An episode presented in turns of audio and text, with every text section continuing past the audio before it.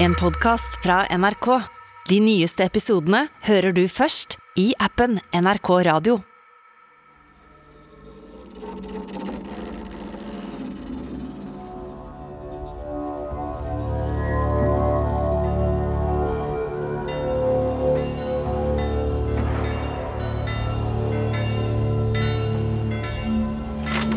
Ja, da er vi direkte inne fra kongelig dåp, og kirken er fullpakket. Alle som er noen i Norge i året 1371 er til stede.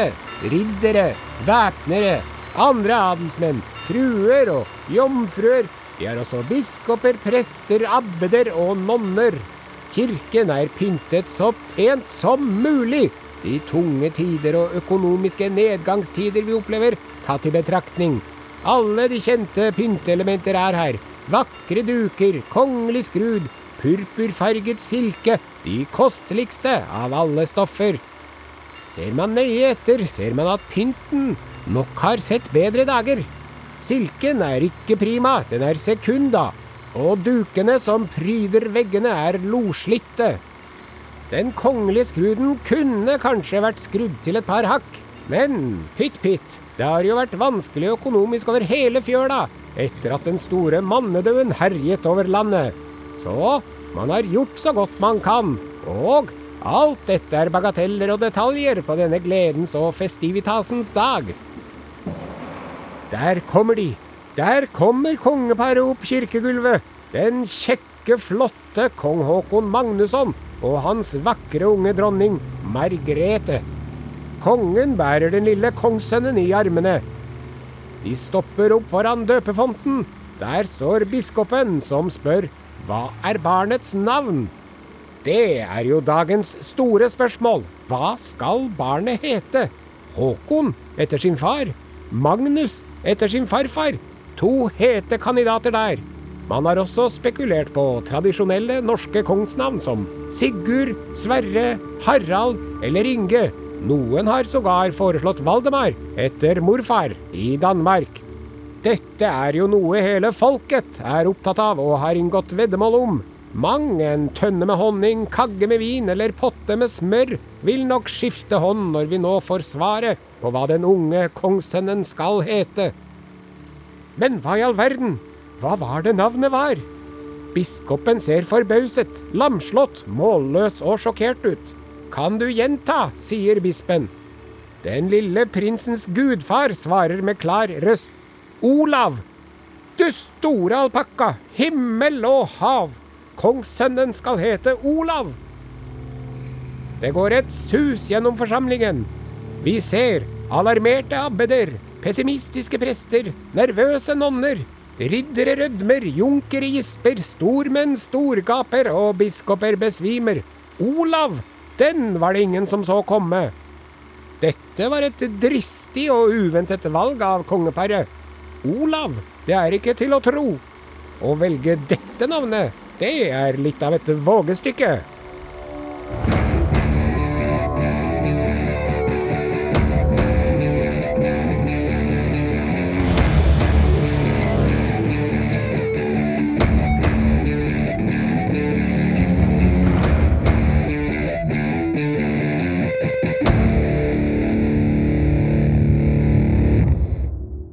Hører Kongerekka med Are Sende Osen, sesong tre. En podkastserie om de norske kongene. Episode ti Olav Håkonsson. Kongen som satt på mammas fang.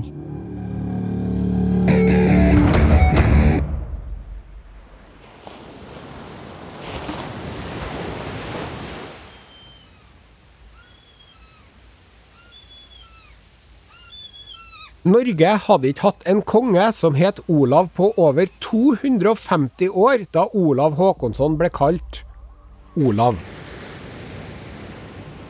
Og det var ikke fordi kongssønner ikke hadde blitt kalt Olav. Det var fordi kongssønner som het Olav, de daua mens de var unge. Gang på gang. Det var som om det lå en forbannelse over det navnet. Så det var nok mange som skvatt da de hørte at gutten skulle kalles Olav. Da tenkte de sikkert nei og nei og nei og nei, det her går aldri bra. men de sier at mora, dronning Margrethe, hun hadde bestemt seg. Gutten skal hete Olav, sa Margrethe. Hellig-Olav sjøl viste seg for meg i en drøm rett før fødselen, og da lovte han at sønnen min skulle få helgenkongens navn. Så sånn blir det, sa dronning Margrethe. Og sånn ble det. Den kongen her, Olav Håkonsson, aldri før eller siden har Norge hatt en konge av gjever byrd. Han stamma fra alle de nordiske kongehusene. Det norske, det danske og det svenske. Pappaen til Olav het Håkon, og var altså konge av Norge. Mammaen hans, dronning Margrethe, var dattera til danskekongen. Mamma Margrethe ble forlova som seksåring og gift som tiåring, men hun flytta ikke sammen med mannen sin som nygift. Nei. Faren hennes, danskekongen, han hadde satt inn en klausul i ekteskapskontrakten om at Margrethe ikke skulle begynne med noe ekteskapelig samliv før hadde fått mensen. Rett skulle være rett. Så hva skulle de gjøre med unge dronning Margrethe i mellomtida? Jeg veit det, sa kong Haakon, og så sa han til bestekompisen sin, en svensk ridder. Har ikke du ei datter på samme alder som kona mi? Kan ikke du og kjerringa di ale opp kjerringa mi? Det kunne de. Danske Margrethe vokste opp i Norge med ei svensk fostermor. En liten skandinavisk union i seg sjøl, dronning Margrethe. Men så kom dagen og timen da Margrethe ble en kvinne, altså fikk mensen. Og da flytta hun ut fra den svenske fostermora og inn til ektemannen, den norske kongen. Og ikke så lenge etter det ble Margrethe gravid. Da var hun 17 år gammel.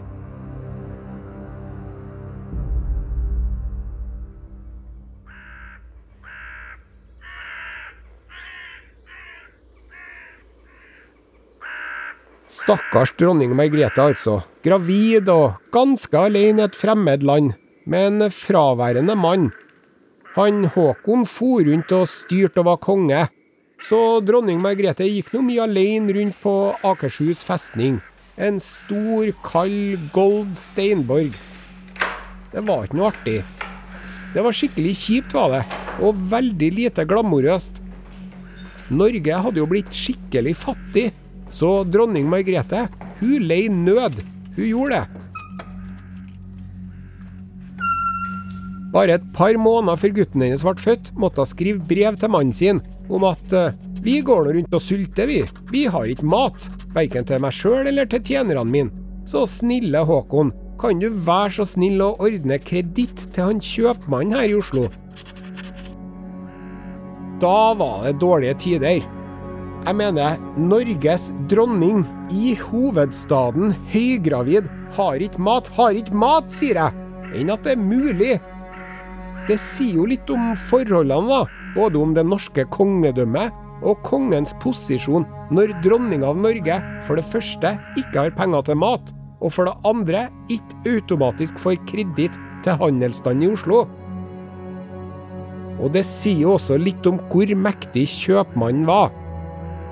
Og han kjøpmannen, han var ikke noe vanlig kjøpmann. Han het ikke Petersen, nei. Han het Westfall. Det etternavnet er jo tysk. Kjøpmann Westfall. Han var nok med i Hansa-forbundet, han. Hansa-forbundet, de rula. De var en stat i staten. I flere stater, egentlig. Og de var en stat utafor staten òg. De bestemte over hele Nord-Europa, gjorde de omtrent. De var blitt rike på handel, handel og skipsfart. Deres ære og makt hadde hvite seil de brakt. Det er ganske forsmedelig og ironisk når man tenker på hvordan Norge og Norden hadde dominert og herja i Europa med vikingskip og blankt stål i flere hundre år. Nå var det kontorister og regnskapsførere og tyske BI-økonomer som bestemte alt. og de hadde ikke langskip, vikingskip med drager i front. Kogger hadde de. Små, tjukke, stutte lastebåter fyllasta med korn og smør og sild. De bestemte det meste, gjorde de, Hansa-forbundet. De var på toppen, og så kom Danmark, og så kom Sverige, og så, gans omten, hadde hun Norge. Norge var underst og utkant og utkonkurrert. Norge var ikke noe nordisk stormakt lenger, nei. Men dronning Margrethe, det var ei jente med bein i nesen, skal jeg fortelle deg. Sjøl om hun bare var 17 år, og høygravid og ganske så alene, og ikke hadde til salt i grøten eller smørøye i grøten eller grøt i det hele tatt, så kom hun seg gjennom det der jorda. Jeg ser for meg det at dronning Margrethe, når hun møtte motgang, og når det kneip som verst og natta var som mørkest, da tror jeg hun beit tennene sammen og sa til seg sjøl Jeg har nå ikke tenkt å gå til grunne i et forslitt slott her blant de norske fjellapene. De kan bare vente seg, alle sammen. Jeg skal vise dem. Bare at han sa på dans, selvfølgelig. Jeg skal vise, hold nå kjeft, mann! Og det gjorde hun òg, Margrethe, ja. Hun viste dem. Hun fødte en sønn, Olav. Og det var jo en dronnings viktigste jobb, omtrent. Da kunne hun nok krysse av på den. Overlevd fødselen gjorde hun òg, og det var det slettes ikke alle som gjorde.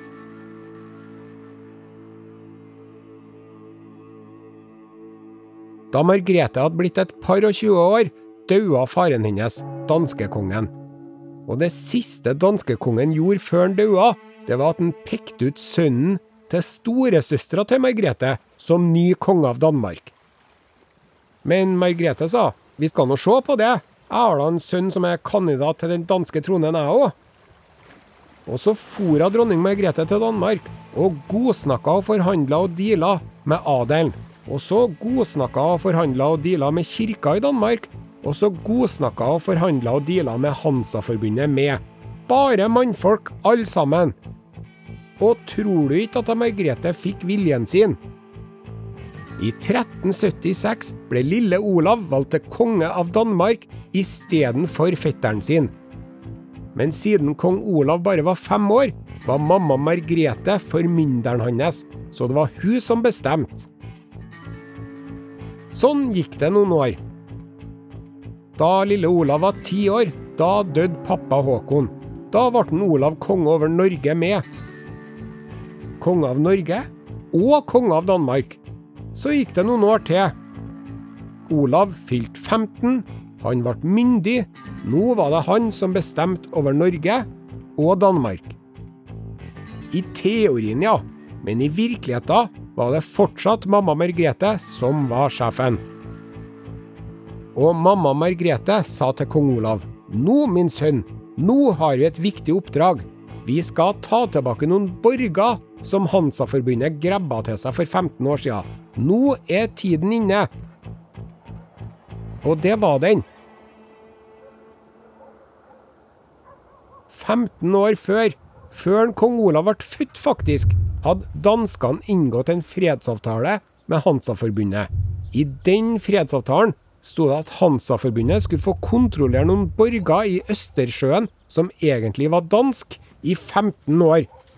Men etter at de 15 årene var gått, da skulle danskene få dem tilbake.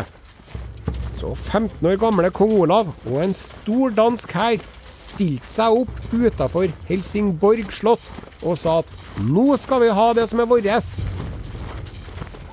Men mens en kong Olav sto utafor slottet med hæren, sikkert med en flott, blank, skinnende rustning og imponerende utstyr, så var det mamma Margrethe som satt ved møtebordet og drev forhandlingene med hanseatene, og fikk dem til å holde avtalen sin. Hun Margrethe, som vanlig skulle jeg til å si, hun fikk viljen sin. Så danskene fikk tilbake disse borgene sine, og det var nå topp. Alt var på stell, herre gikk veien. Olav var konge av Norge, og han var konge av Danmark. Men mamma Margrethe sa det her, gutten min, det er bare starten. Snart blir vi, eh, jeg mener du, konge av Sverige òg, skal du se. Bare vent.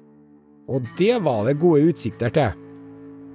Svenskene var nemlig veldig misfornøyd med kongen sin, og mamma Margrethe gjorde det hun var helt konge til. Hun drev og forhandla og lobba med svenske stormenn om å få Olav til konge av Sverige med.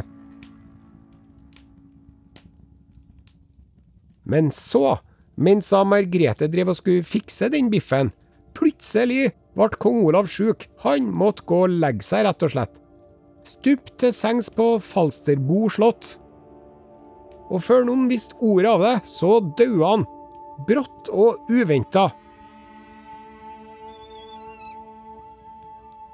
Stakkars kong Olav døde uten at mamma var der, for mamma Margrethe var i nabobyen. Olav døde i armene til kammermesteren sin. Lungebetennelse mente de at det var. Sjøl om noen hviska at nå, det er nå de onde morene som forgifta han. Men hallo! For det første så var ikke Margrethe i samme byen engang. Og for det andre, hvorfor skulle hun ta livet av sønnen sin, sin egen sønn, som hun hadde full kontroll over, som gjorde akkurat sånn som hun ville? Nei, det der tror vi ikke noe på, nei. For noen år siden var det en dansk lege som lanserte en teori om at en kong Olav døde av en arvelig, sjelden hjertelidelse som heter Brugadas syndrom, som da, ifølge denne danske legen, visstnok skal ha ridd det danske kongehuset i århundrer. 13 danske konger lista han danske legen opp, som har dødd brått og uventa i relativt ung alder, på grunn av en medfødt hjertelidelse, mener han. Og han danske forskeren der, han er ganske hissig på at de skal grave opp en av de her døde danske kongene, sånn at han kan få bekrefta eller avkrefta teorien sin. Men eh, så vidt jeg vet har han ikke lyktes med det, så langt. Enten det nå var det ene eller det andre, var nå kong Olav død. Det var litt av et slag for mamma Margrethe. Det var jo ikke hun som var konge av Norge og Danmark, det var jo sønnen. Men Margrethe tok det som en utfordring, og bretta opp ermene og ga jernet, og fortsatt ufortrødent med å samle makt og innflytelse. Hun kunne ikke la en liten detalj som en død sønn ødelegge for seg. Men som kvinne kunne ikke hun holde på makta uten en konge eller mannlig arving til tronen. Så ganske kjapt erstatta hun sønnen med en grandnevø, Erik av Pommern. Men det er ikke han vi skal høre om nå. Og så gikk det noen år. Det gikk fem år, det gikk ti år, det gikk 15 år, 16 og 17 år.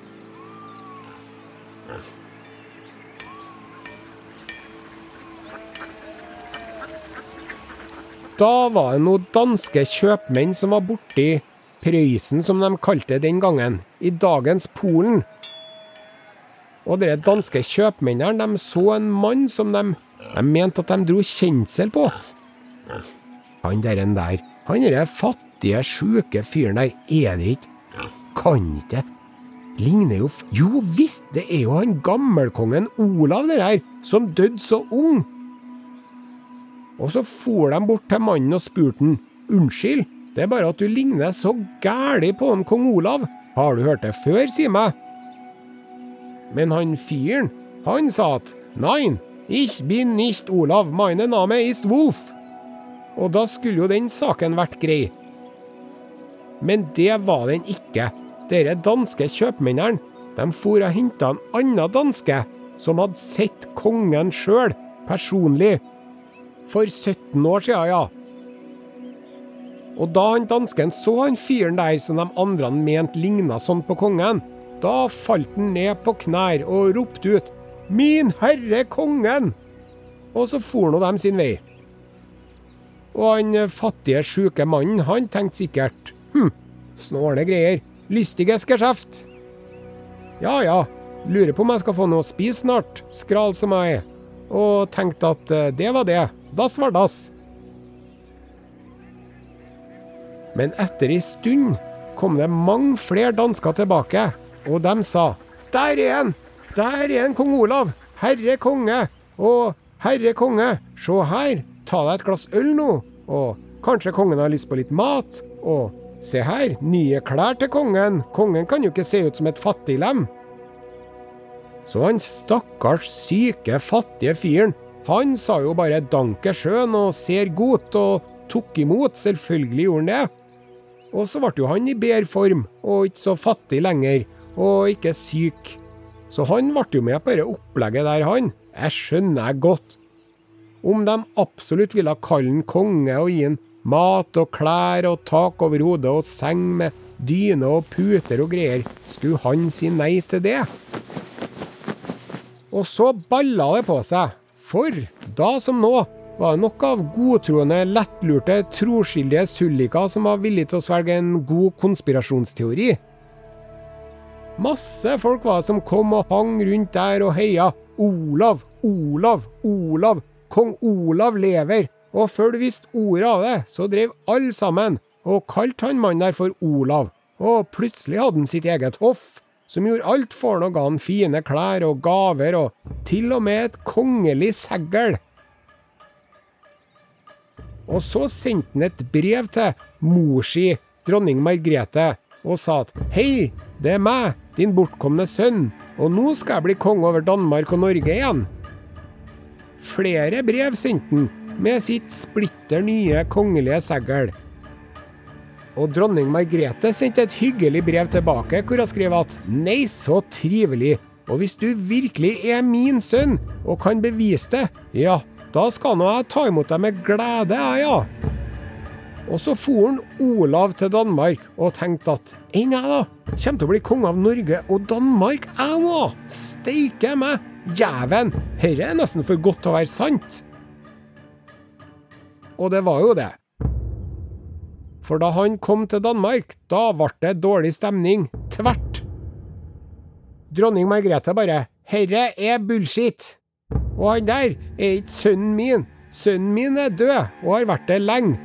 Se her, her har jeg et brev, et skriftlig vitnesbyrd med signaturer fra sju riddere og seks væpnere, som alle vitner på at sønnen min daua.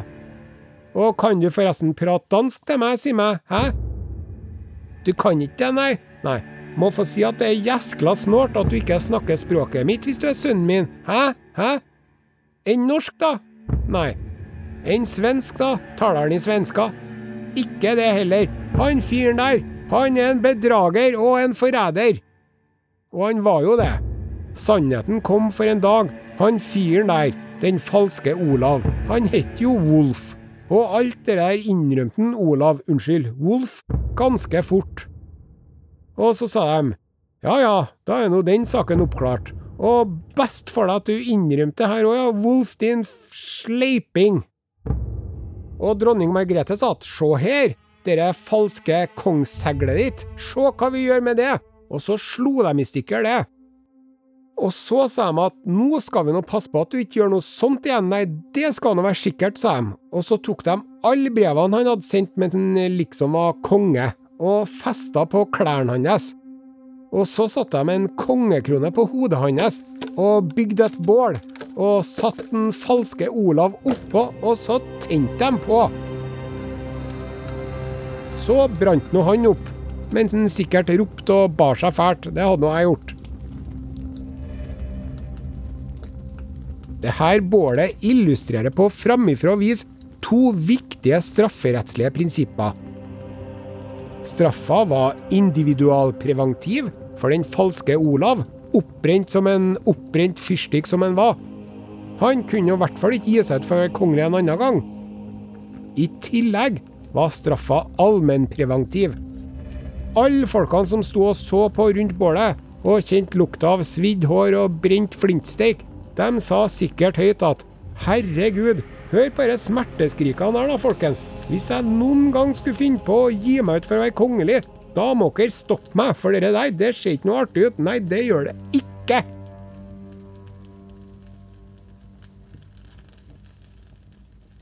Den ekte kong Olav, han døde bare 16 år gammel. Liket hans ble balsamert og utstilt i Falsterbo kirke. Etter ei stund ble kroppen gravlagt i Danmark, mens innvollene ble gravlagt i Sverige. Enn Norge, da? Hva fikk vi? Fikk vi hodet, vi, kanskje? Nei, vent, fotene!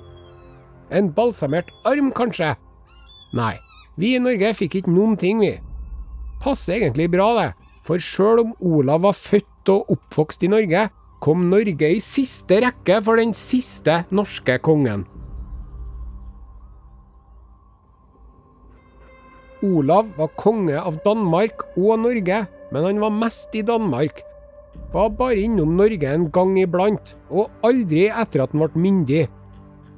Så det at tarmene ligger i Sverige og kroppen i Danmark, det illustrerer hvordan prioriteringene hans lå. Jeg sier prioriteringene hans, men det var nå mamma Margrethe sine prioriteringer, det, da. Og for Margrethe, og alle konger av Danmark og Norge siden, var det jobben med å sikre seg Sverige som hadde førstepri. Svenskene var notorisk uvillige til å være med i unionen. Han kong Olav han var mamma sin gutt, og han gjorde som mammaen sin sa. Kanskje han hadde endra på det hvis han hadde fått blitt voksen og ansvarlig og sjølstendig, men det rakk han jo aldri. Kongen av Norge var død, og han hadde ikke noen arvinger. Eller, han hadde ikke noe barn, men han hadde ei mor, og hun arva alt. Det var det slettes ikke noe automatikk i, for nesten eh, hvem som helst andre så hadde at sønnen daua vært slutten på visa og enden på historia, og dette var det. Men ikke for dronning Margrethe. Bare litt over ett år etter at den ekte kong Olav stryk med, var Margrethe anerkjent og akseptert som sjef over Norge og Danmark og Sverige med. Burde ha satt Norge sist der, la meg omformulere. Margrethe hadde makta i Danmark, Sverige, og i den grad det hadde noe betydning, lille, ubetydelige Utkants-Norge. Først styrte hun altså gjennom sønnen, så gjennom grandnevøen. Hun bytta ut den ene nikkedukka med den andre, fikk tilsendt fra utlandet. For den norske kongeheta er utdødd unge Olav, kongen med det uheldige kongenavnet. Han rakk å bli konge, men han rakk aldri å få barn.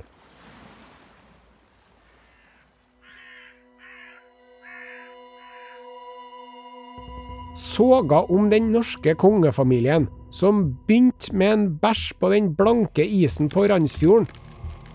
Nå er den over. Punktum finale.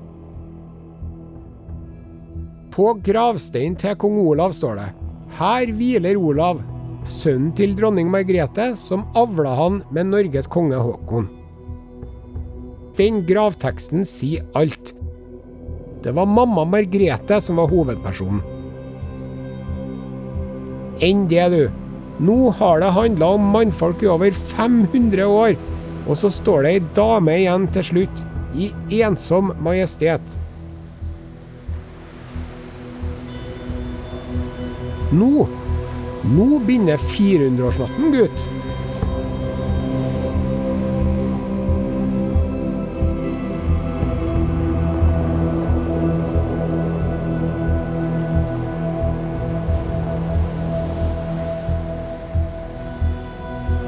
Du har hørt sesong tre av Kongerekka. Laga av Are Sende Osen og Ragnhild Sleire Øyen. Historisk konsulent er Randi Bjørsol Verdal, og musikken er av Synkpoint. Redaktør er Line Gevelt Andersen.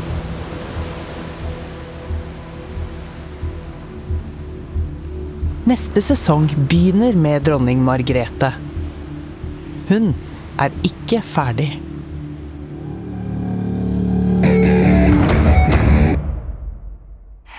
Du har hørt en podkast fra NRK. De nyeste episodene hører du først i appen NRK Radio.